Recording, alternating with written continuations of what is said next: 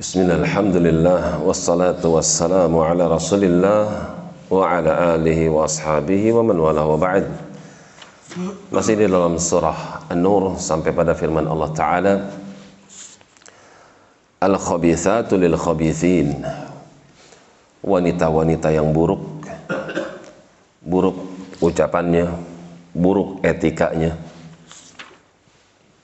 Lil-khabithin maka jodohnya itu adalah laki-laki yang jelek juga keadaannya. Wal khabithuna dan sebaliknya laki-laki yang jelek itu lil khabithat pasangannya adalah orang-orang yang jelek juga dari kalangan wanita. Orang masjid biasanya dapat nggak jauh dari masjid perempuan-perempuan. Di tempat pelacuran ya biasanya dapat laki-laki dari kalangan orang-orang yang semacamnya. Wattayyibatu maka orang-orang yang baik dari kalangan perempuan litayyibin maka jodohnya pasangannya adalah laki-laki yang baik juga. Wattayyibuna litayyibat dan laki-laki yang baik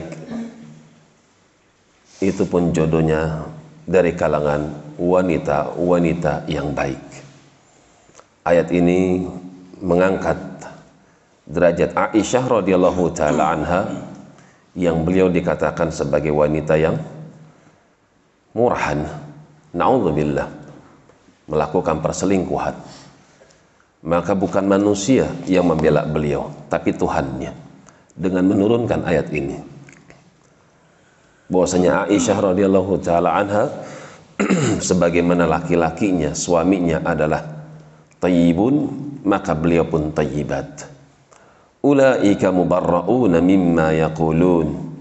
Maka mereka-mereka ini yang dimaksud adalah Aisyah radhiyallahu taala anha dan juga tentunya orang yang dituduh yaitu Safwan ibn Mu'attal mubarraun mereka terbebas. Mimma yaqulun dari apa yang telah dituduhkan.